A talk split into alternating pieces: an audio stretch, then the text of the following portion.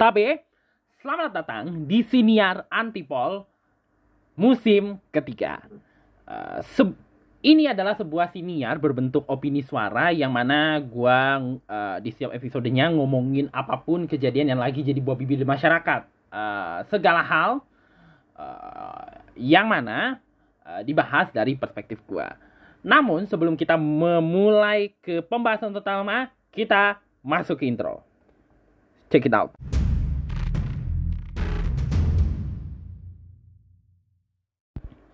Gua akan memulai siniar ini dengan satu pertanyaan.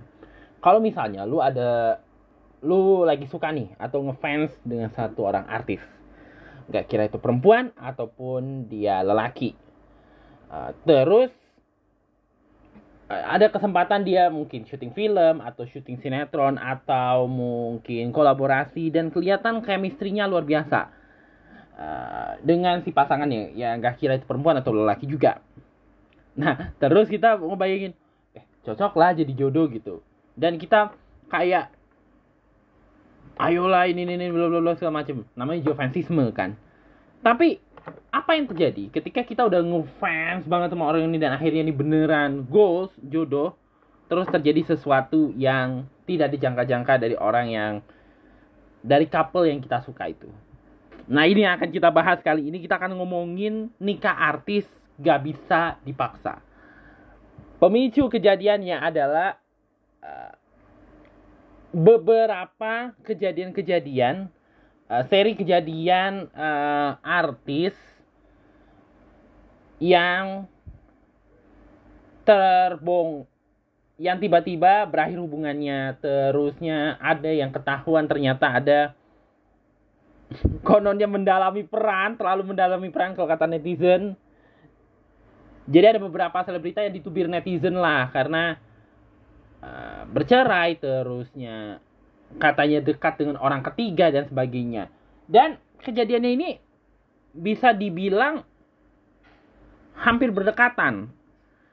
Uh, sebenarnya juga ada beberapa kasus per uh, per cinta segitiga duniawi yang juga terungkap di luar uh, para selebrita. Dan itu sempat ada mungkin lo inget ada satu video di mana suaminya kayak ada video mungkin gue kata di YouTube atau di Twitter juga yang mana ada lelaki nih ada seorang beberapa be, seorang laki dan beberapa orang kayak mergokin lelaki uh, ada orang berduaan lah di sebuah nggak tahu kamar kosan atau hotel melati terus ceweknya tuh kayak habis keramas.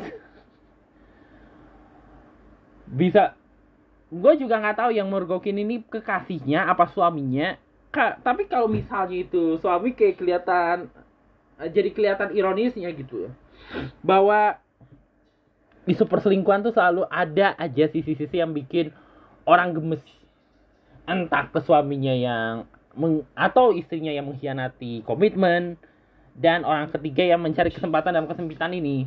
Padahal sebenarnya masalah perselingkuhan itu bukan adalah masalah yang rumit. Gue pernah bahas di siniar yang mana tuh yang gue ngebahas Adam Levine sama si Adam Suseno. Uh, yang intinya gue ngebahas tentang perselingkuhan.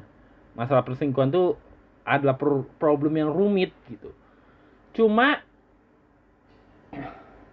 ya nggak ada habisnya aja ini masalah si uh, artis yang kedapatan ketahuan menjalin hubungan dengan orang lain ada awareness dengan orang lain di luar pasangannya. Nggak kira itu uh, si istri ataupun si suami.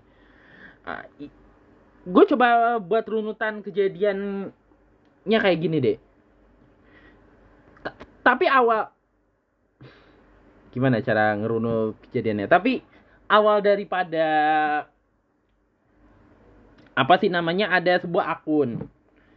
Uh, jadi ada akun namanya sos sosmed keras bener gak sih? Yang intinya dia dia nggak ada caption sih di uh, tweetnya ini. Terusnya gue ngerasa wah ini menarik nih. Karena beberapa di antara artis ini kayak diangkat couple goals banget di mata fansnya. Tapi ternyata terjadi sesuatu yang tidak dijangka-jangka dari hubungan mereka. Uh, dan sebagainya lah gitu kurang lebihnya. Gue lagi buka ini si sosmed keras. Um, kapan ini ya? Uh, si uh, tweetnya. Tweetnya sosmed keras.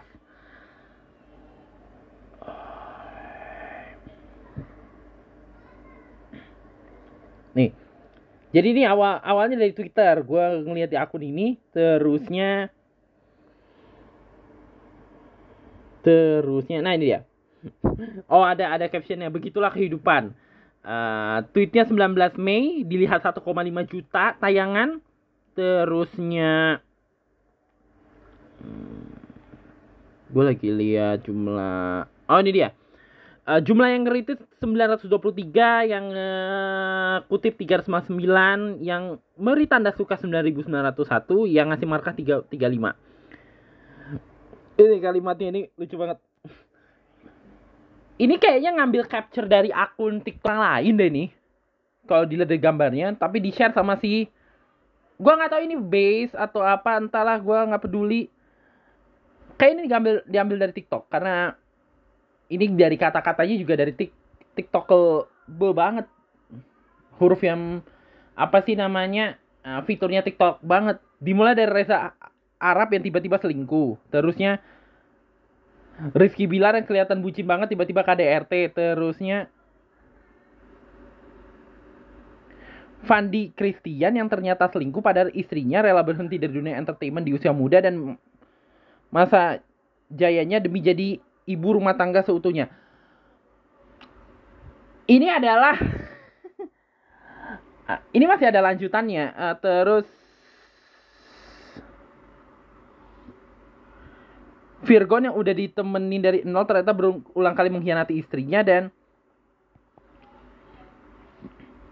jadi intinya nih gue nggak tahu ya si sender yang ngirim ke apa sih namanya ke sosmed uh, keras ini uh, nge-share-nya ada tujuan apa gitu tapi intinya dia nge-share bahwa kok bisa kok ada yang kelihatannya mungkin si sendernya mau menyampaikan bahwa yang kelihatannya bahagia tuh sebenarnya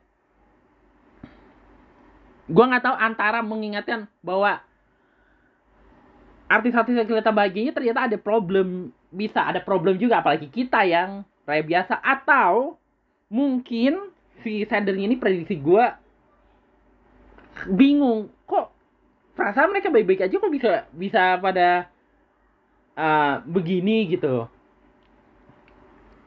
Dan kebanyakan ini juga kasus-kasusnya beberapa di antara ini baru-baru juga kayak di postingan ini ada kasusnya uh, kasus uh, perselingkuhan sama satu lagi itu perceraian. Gue jelasin satu-satu aja ya kejadiannya ini dimulai. Postingan ini pemicunya gue cukup yakin dari satu kasus. Uh, kasus perselingkuhan yang terungkap yaitu kasusnya si Virgun Virgun.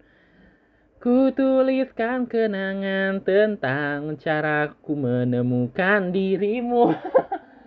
si Virgon yang terkenal dengan surat cinta untuk Starla dan lagu apalagi bukti dan segala macamnya lagu-lagu yang di, sebenarnya ditulis sama istrinya terus belakangan diketahui kononnya dia tuh ada awareness dengan perempuan lain. Uh, terus si istrinya kayak curhat gitulah terkait dengan bahwa suaminya ini kemungkinan ada awareness dengan orang ketiga. Tapi lantas kemudian si postingan itu viral dan orang pada rame terus menubir lah si mentubir lah si Virgun apalagi beberapa lagunya itu uh, orang tahu bahwa beberapa lagu yang dibawain oleh Virgun itu uh, adalah lagu tentang dibuatkan untuk menunjukkan rasa sayang ke istrinya. Uh, apa ya kayak udah capek-capek bikin lagu untuk rasa sayang uh, nunjukin cintanya ke istrinya ternyata ada hal lain gitu. Untuk yang nggak tahu Virgun ini sebenarnya adalah vokalis Last Child yang kemudian solo karir. Yang tadi gue cerita yang soal lagunya itu yang adalah beberapa lagu solonya yang kemudian viral. Dan juga orang Nah, seiring dengan viralnya lagu-lagunya Virgon, orang tahu soal kehidupan rumah tangganya ternyata istrinya mbak istrinya cantik soleha terus kelihatan kayak akrab ternyata ada sesuatu di luar mungkin karena karena godaan juga kali ya godaan dunia entertainment juga. Jadinya ya itu. Tapi terus lantas si istrinya ini tahu ini viral kemudian uh, kayak meralat lah atau mengklarifikasi apa yang dia ucapkan. Yang sebenarnya ya sebenarnya saya cuma cerita aja kalau suami saya ternyata ada ada hubungan dengan orang ketiga. Dan dia sebenarnya karena dia seorang Islam yang taat ya karena bercadar kan dia terus dia bilang sebenarnya dia nggak mempermasalahkan kalau misalnya uh, suaminya mau poligami gitu kurang lebihnya. Terus suaminya akhirnya muncul si Virgun tahu-tahu sambil mengklarifikasi dia bilang dia ada mempertimbangkan mau menggugat cerai istrinya.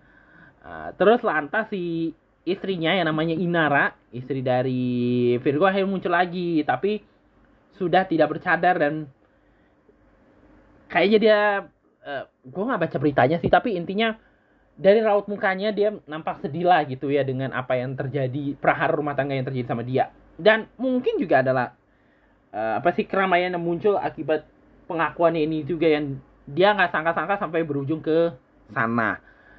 Uh, itu tadi yang kasusnya Virgun. Yang kedua, ini gue sempat notice juga beritanya karena ada yang nyampe ke gue yang si bahkan ada satu akun TikTok gue sempat lihat itu tentang si Dahlia Polan namanya. Dahlia Polan uh, istrinya Fendi Christian yang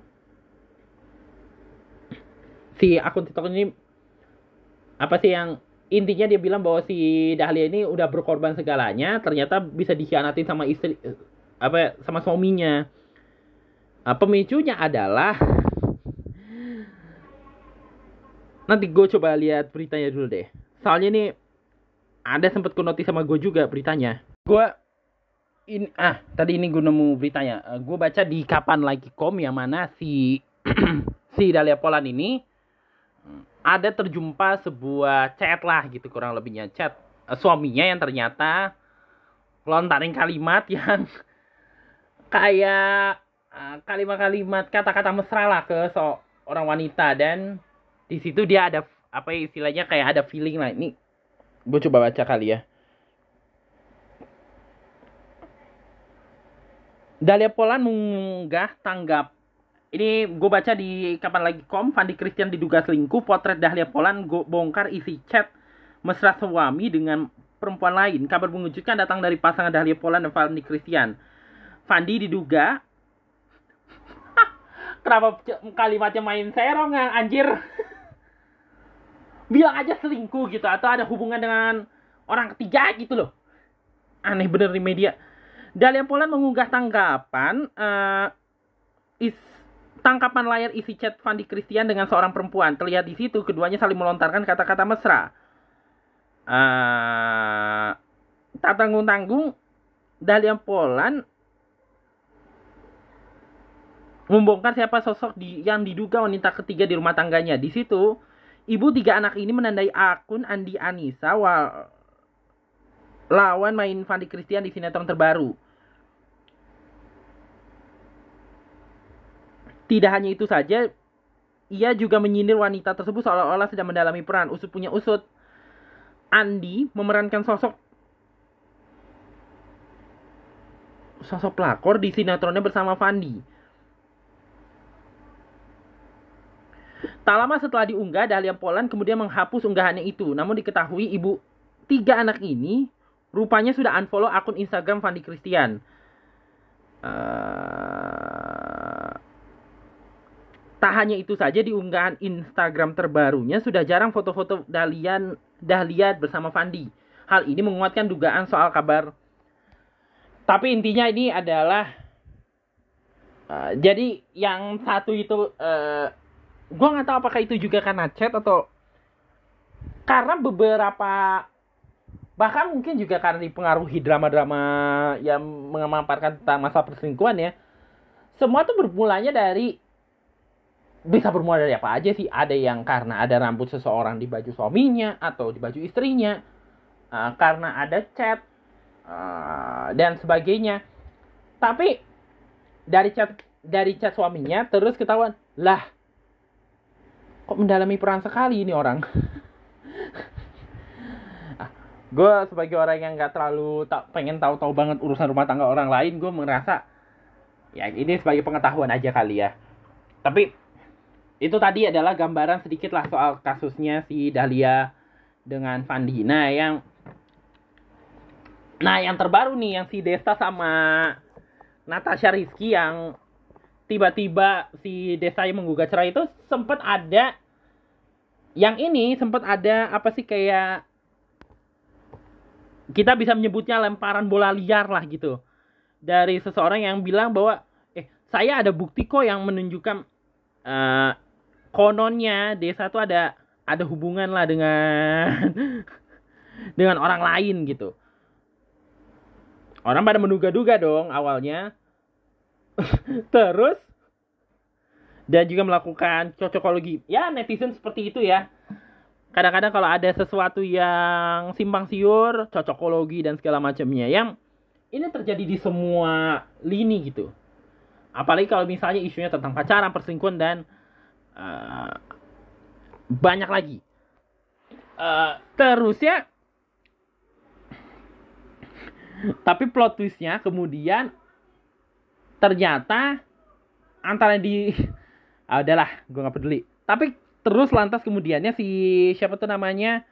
Si desa akhirnya buka suara lah berkaitan dengan uh, apa sih namanya? Kejadian keputusan dia untuk menceraikan uh, Natasha Rizky Pradita. Bener gak sih namanya? Iya Natasha Rizky Pradita. Ini gue baca dari IDN Times kali ini. Hendra Kasiregar, uh, alasan Desta ceraikan Natasha Rizky ngaku tak ada faktor orang ketiga. Uh, Hendra, Hendra Siregar, pengacara Desta Mahendra, akhirnya membeberkan perkara perceraian kliennya kepada media. Ia mengungkap alasan hingga kondisi terakhir rumah tangga Natasha Rizky dan Desta. Kepada media, ia menyebut bahwa Desta Mahendra dan Natasha Rizky berpisah karena perbedaan visi dan misi. Ini juga disebut sebagai keputusan bersama dan bukan hal yang mudah. Lebih jauh lagi, ia mengatakan bahwa Desta dan Natasha sudah menghabiskan waktu sangat lama sampai akhirnya memutuskan bercerai. Diketahui pasangan ini sudah menikah selama 10 tahun lamanya. Uh, sempat menyebut bahwa Desta dan Natasha tak pernah pisah rumah. Baru-baru ini Hendra menganulir pernyataan tersebut. Ia mengungkapkan uh, si Pak Hendra ini bilang bahwa sudah lama mereka tak satu atap lagi dengan sang istri. Katanya sekitar dan dikatakan sekitar sekitar setahunan lah gitu kurang lebihnya. Dan dikabarkan bahwa Desta juga sudah merayakan lebaran 2023 tanpa sosok Natasha Rizky. Tapi di Tapi kocak juga kalau dipikir-pikir pernyataan yang satu ini karena nih ya, gue kan uh, cover senior ini kan gue pakai fotonya Desta kan sama istrinya yang mana kalau dibilang bahwa untuk pertama kalinya dia merayakan lebaran tanpa istri mereka masih foto dengan istrinya anjing. Si Desta masih foto sama istrinya anjing. Kok bisa ya? Apakah itu foto tahun lalu entah atau emang ya kita kan tidak pernah tahu ya apa yang terlihat di media sosial kan kita tidak pernah tahu yang kenyataannya seperti apa. Ya kan? Nah ini menurut dia bahwa uh, walaupun demikian, uh, ini walaupun terlihat aneh ya, uh, ungkapan soal Lebaran 2023 dirayakan tanpa istri ya. Uh, kata Pak kuasa hukumnya, uh, kedua keduanya ini masih menjalin hubungan komunikasi yang baik lah gitu. Dan masih mengurus buah hati mereka karena mengurus buah hati mereka bersama karena mereka di bawah umur. Uh, sebagai informasi menyusul kabar perceraian ini muncul kabar miring mengenai dugaan kedekatan Desta dengan aktris Gigi Elisa. Uh, isu ini muncul setelah beredar video diduga Desta dan GG menghabiskan waktu bersama. Keduanya juga dikabarkan menjadi partner main tenis hingga kia dekat. Namun, pengacara Desta juga telah membantah hal tersebut karena ia mengatakan bahwa tak ada unsur orang ketiga maupun ekonomi yang melatar belakangi perceraian ini. Sidang perceraian perdana Desta dan Natasha dijadwalkan berlangsung 29 Mei 2023. Jadi intinya menurut pengacaranya gitu ya dari pihaknya Desta gitu ya bahwa uh, yang dikatakan isu yang di uh, isu miring soal orang ketiga itu nggak ada sebenarnya dan ya karena perbedaan pandangan lah di antara keduanya dan ya dan juga nggak ada faktor ekonomi juga dan itu sebenarnya sesuatu yang agak apa sih namanya agak apa sih gue mau bilangnya? Sesuatu yang generik lah dalam pernikahan ada perbedaan uh, apa sih namanya? Kan pernikahan itu kan mempertemukan dua orang dengan sifat dengan ego dengan visi dengan apa sih impian dengan dengan apa lagi ya? Dengan perawakan dengan watak wak apa sih namanya? Kayak tabiat yang berbeda-beda gitu. Yang yang gue maksudin tabiat ini tabiat yang dia bawa dari dari keluarganya dulu. Dan uh, gue pernah ada ngutip sebuah tweet yang mana dia bilang bahwa salah satu cara untuk mengatasi masalah dan menghindar membuat rumah tangga itu tetap baik-baik aja walaupun ada perbedaan-perbedaan itu adalah dengan ngobrol dan berkomunikasi. Nah, setahu gua kalau yang Desa sama Natasha ini memang mereka mau menjalin hubungan cuma mungkin ada perbedaan yang akhirnya menyebabkan ke perceraian. Nah, terus gua yang tiga artis ini gue nggak tahu ya karena yang satu lagi kan memang kelihatan ya di setting ya memang memang mereka udah bersama dari lama gitu ya. Yang satu lagi juga udah kelihatannya udah bersama dari lama juga. Nah yang dua pertama ini nih yang diposting oleh sosmed keras ini yang cukup menarik perhatian gue karena si ini ya si Reza Arab sama si siapa sih namanya tuh yang satu lagi Rizky Bilar ini eh si Lesti Kejora ini ini kan pernikah apa ya hubungan dari hubungan mereka mereka deket terusnya mereka menikah tuh kemesraan mereka tuh dipublish ke publik. Dan fans suka dengan itu. Bahkan ada sebuah media besar media yang cukup besar di tanah air gue nggak perlu sebut medianya itu sering banget me gue nggak tahu apakah karena didekatkan dijodohkan oleh fans yang kemudian dikapitalisasi oleh media untuk kepentingan apa sih namanya rating mereka atau bagaimana. Tapi akhirnya mereka sering tuh muncul bersama di media. Bahkan pernikahannya disiarkan oleh televisi yang sama. Sampai ternyata ada plot twist lain yang yang gak disangka-sangka gitu. Termasuk juga si Reza Arab sama Wendy Walters ini yang mana mereka tuh pamer kesempurnaan sampai akhirnya di satu titik di mana si gue pernah bahas juga yang kasusnya Reza Arab di sini hari ini bahwa istrinya uh, akhirnya posting pernikahannya terus captionnya diganti dengan kalimat yang agak apa sih kayak mengungkapkan kemarahan ke suaminya lah gitu atas apa yang dilakukan oleh Reza Arab.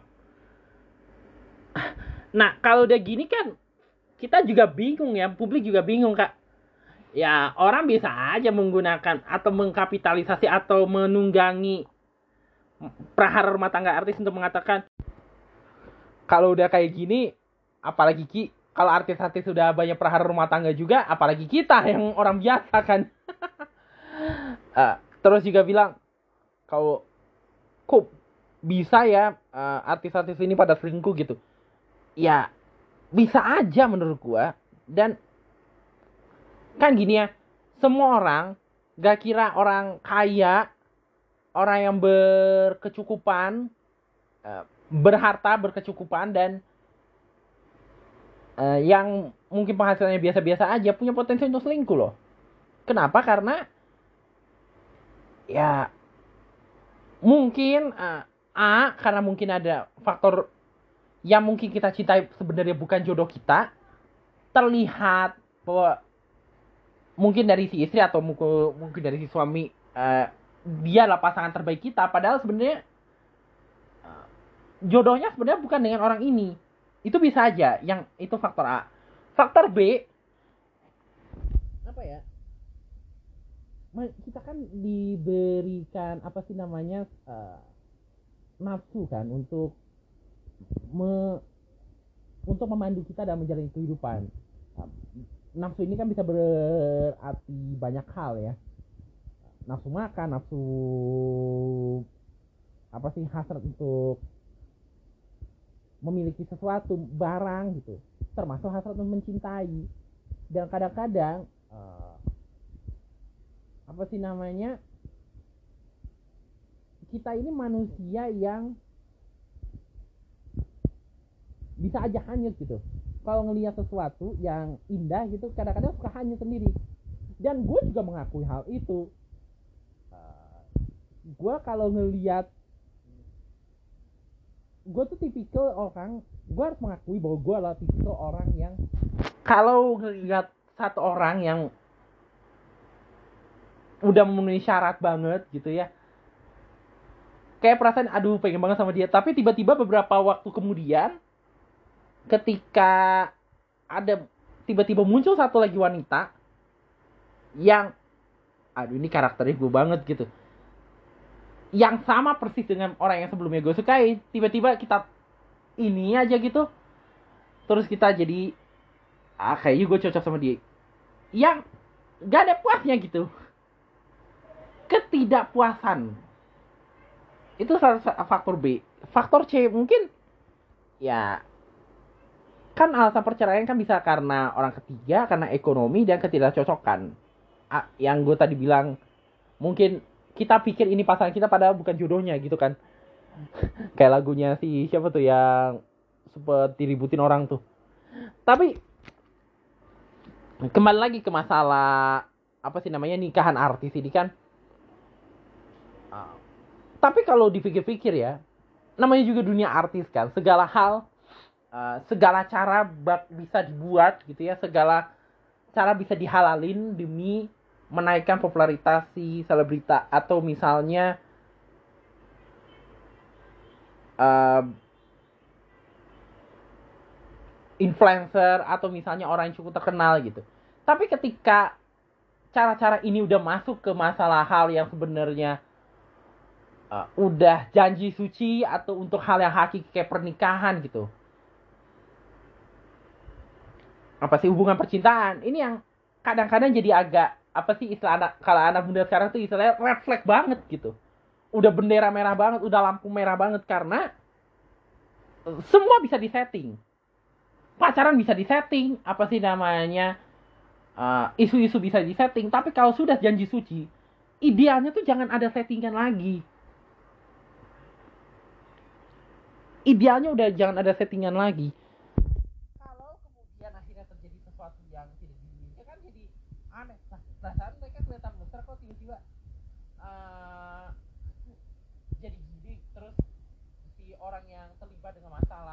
prahara ini bilang ah jadi hubungan kami settingnya. Lo lo lo lo lo kok settingan gitu kan kan jadi aneh gitu.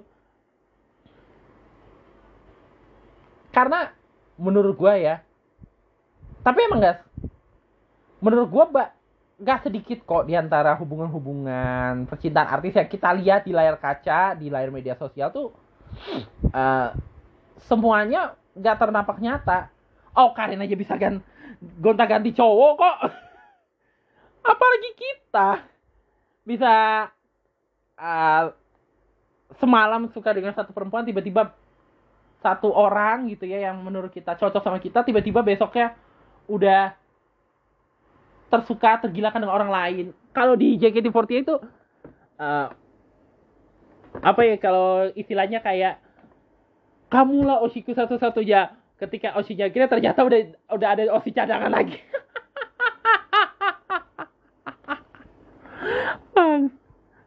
Jadi bi aduh padahal bahasannya ini tentang nikah artis yang sering kali jadi apa sih namanya obsesi diobsesikan dan diharapkan kan aku udah dukung kamu udah aku bantu nih biar kalian nikah. Harusnya kalian bisa nunjukin kebahagiaan biar kami bahagia gitu.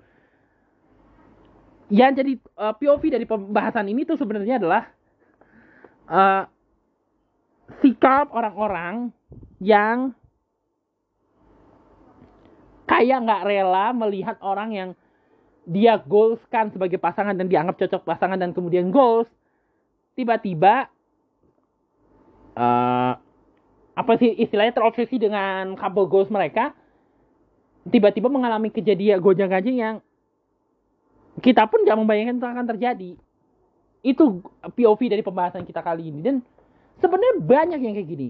Lu pikir kenapa uh, yang pak lu pikir kenapa yang apa sih namanya yang waktu kasusnya Lesti sama Bilar menyedot perhatian? Karena fans-fansnya uh, Lesti dan Bilar saat itu udah yakin banget dengan mungkin terpengaruh juga dengan kesempurnaan settingan media mungkin ya. Saat mereka uh, membuat chemistry menunjukkan chemistry mereka. Mungkin di antara mereka ada yang terpukau. Tapi mereka nggak tahu nih apakah ini beneran cocok atau memang dicocok-cocokkan aja gitu loh. Di di luar bahwa ada juga artis yang akhirnya uh, kelihatan kayak dicocok-cocokkan, kelihatan chemistry-nya bagus, tapi akhirnya eh, tapi akhirnya bisa bersama dan set, setidaknya untuk sejauh ini hubungan mereka baik-baik aja gitu. Kayak Baby Romeo uh, Meisha Siregar yang mana putusnya hubungan mereka pada satu masa. Ini gue taunya dari TikTok. Gue ada baca kan di FYP gue tuh sering lewat lagu-lagunya Baby Romeo kan yang dari masa lalu. Terus gue baca komen yang mana oh ternyata sebelum mereka benar-benar bersama tuh mereka sempet ada hubungan tapi bisa gitu. Si Meisha-nya dengan orang lain gitu. Uh, sempat terpisah akhirnya bisa uh, bersatu gitu ya sebagai pasangan suami istri.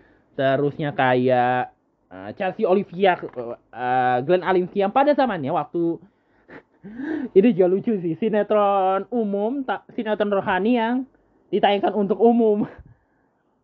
Yang kebetulan dibintang mereka berdua dan ngelihat chemistry banyaknya yang berharap wah boleh lah jadi pasangan suami istri. Akhirnya beneran jadi suami istri. Dan hubungannya masih baik-baik aja sampai sekarang. Uh, terusnya siapa lagi ya yang dicocokkan terus akhirnya bersama dan masih oh iya Dewi Gita sama Arman Maulana. Itu juga masih baik-baik aja. Ya sebenarnya di luar banyak artis yang dilihat wah chemistry-nya bagus sih cocok lah jadi suami istri. Uh, terus ya ternyata berakhirnya seperti yang tidak diharapkan ternyata masih ada kok yang hubungan hubungannya baik-baik aja dan ya ini tadi gue bilang ini masalah jodoh. Hubungan artis kita boleh berharap bahwa artis bisa uh, dengan chemistry itu bisa bersama bisa boleh aja dan bebas dan gue juga nggak bisa maksa lu untuk ber, tidak berharap. Jangan berharap uh, mereka akan cocok-cocokan cuma yang gue mau bilang bahwa kita nggak boleh terlalu jangan sampai harapan kita itu berubah jadi obsesi gitu loh. Karena kita tidak pernah tahu. Jangankan para artis-artis itu kita pun juga gak pernah tahu jodoh kita dengan siapa ya. Ya jodoh dalam hal ini tuh yang udah ditentukan oleh Allah. Dan Tuhan yang maha Allah Allah Taala bahkan waktu kita uh, dibisikkan ruh gitu ya ruh kita udah dibisikkan ke kita pada umur 4 bulan kita udah dikasih tahu tuh.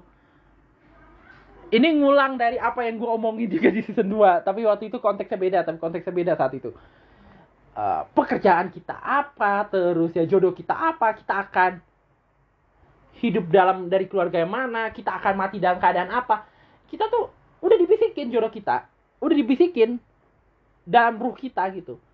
Jadi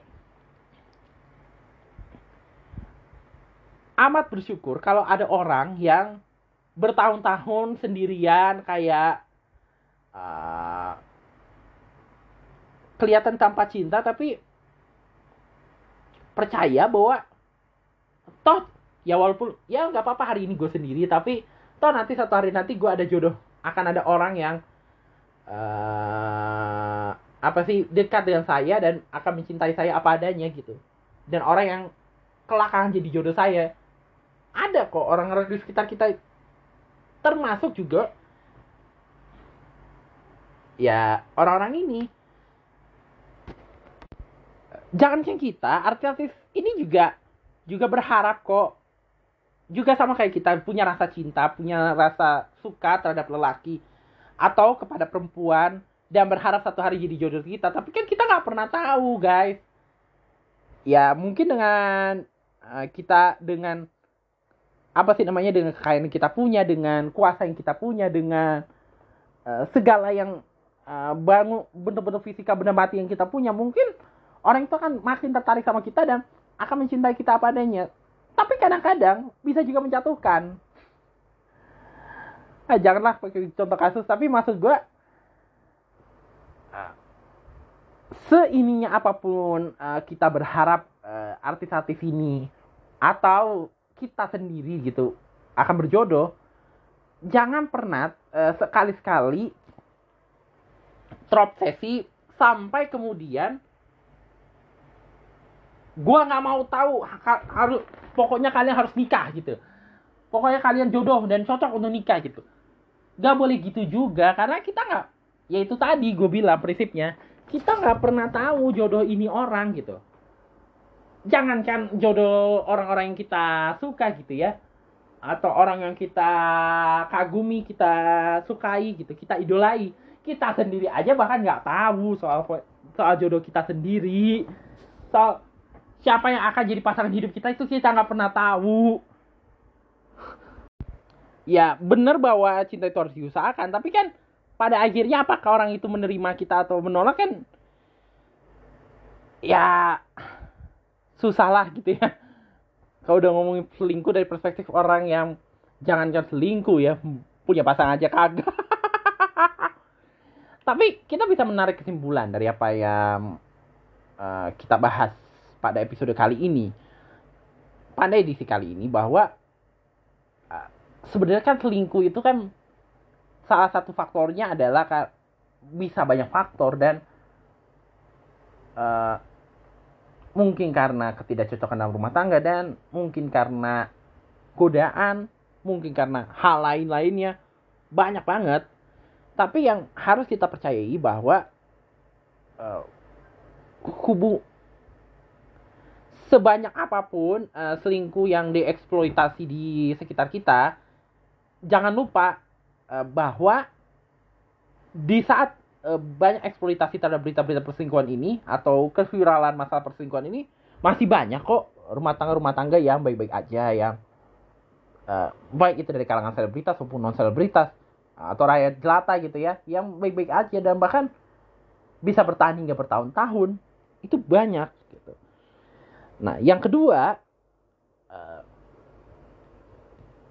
sekalipun uh, kita terobsesi atau kita teringinkan idola kita berpasangan dengan orang yang dekat dengan idola kita dan hanya uh, bermodalkan chemistry dan segala macamnya uh, kita nggak boleh uh, terlalu terobsesi dan terlalu memaksakan untuk orang ini berjodoh gitu ya karena kalau misalnya jadi dan ternyata nggak cocok juga kan membingungkan juga pada akhirnya kan? Ya mereka juga sama kayak kita bahwa kita nggak pernah tahu jodoh kita tuh dengan siapa. Dan di sisi lain yang ketiga kalau satu hari nanti kita ngeli mas kita menemukan ada orang yang karena chemistry yang bagus dan terus kemudian dijodohkan jangan terus satu siapa pun gitu orangnya jangan pernah sekali-sekali untuk bilang bahwa ayolah pacaran, ayolah dinikahin gitu, sokin lah gitu. Karena gue pernah ada dalam situasi itu juga pada um, uh, bilang ah cocok lah ini dengan si ini dengan si ini ternyata balik lagi ke pasangannya. Tapi ini bukan di Indonesia, di negara tetangga kejadiannya. Karena uh, waktu itu gue lagi hype banget dengan drama-drama dari negeri tetangga salah satunya. Uh, ya intinya kita kalau fansisme ya sewajarnya aja gitu ya. Kak ya kalau semampunya aja. Kalau nggak mampu ya jangan terlalu berlebihan gitu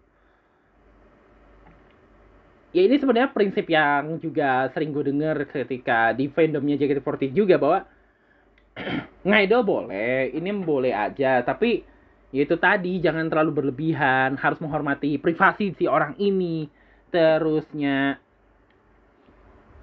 apa istilahnya jangan bersikap yang aneh-aneh lah gitu terhadap orang yang kita suka hanya karena kita suka karena profesi sampai berlaku sesuatu yang membuat orang ini tidak nyaman gitu ya karena bukan mustahil juga yang member-member ini akhirnya jadi nyambung ke JKT48 lagi kan. Tapi pada akhirnya gue juga ah, karena gue mulai mempelajari fandom JKT48 juga ketika ketemu isu ini gue bisa ngomongin ini dengan apa adanya gitu ya. Berharap bisa ngomongin ini apa adanya bahwa ya obsesi boleh tapi jangan berlebihan lah. Karena kalau sudah berlebihan dan ternyata yang kita lihat realitanya ternyata tidak sesuai kan jadi gimana gitu ya dan semoga kasus-kasus ini uh, membuat kita belajar bahwa uh, pernikahan itu tidak mudah. Uh, bukan memang mempertemukan dua orang yang berbeda, tapi bukan sebagai untuk hanya sekedar mempertemukan dua orang yang berbeda dan untuk uh, supaya bisa halal melakukan sesuatu yang sebelumnya dilarang, tapi bagaimana membangun rumah tangga itu sampai ke akhirnya bagaimana yang sakinah mawaddah warohmah dan jangan lupa nikah itu adalah di agama gue ya adalah bagian dari ibadah juga. Niatkanlah nikah untuk ibadah insya Allah dan dengan apa sih namanya berkomunikasi yang baik gitu dan intens dengan pasangan kita insya Allah kok semua akan baik-baik aja. Ngerti ya maksud gue ya? Uh, semoga ini ada manfaatnya. Kalau misalnya ada yang baik boleh diambil manfaat boleh diambil kalau kurang ya mungkin salah dari mulut gue juga kita akan bertemu kembali di episode-episode berikutnya di Siniar Antipol New Era.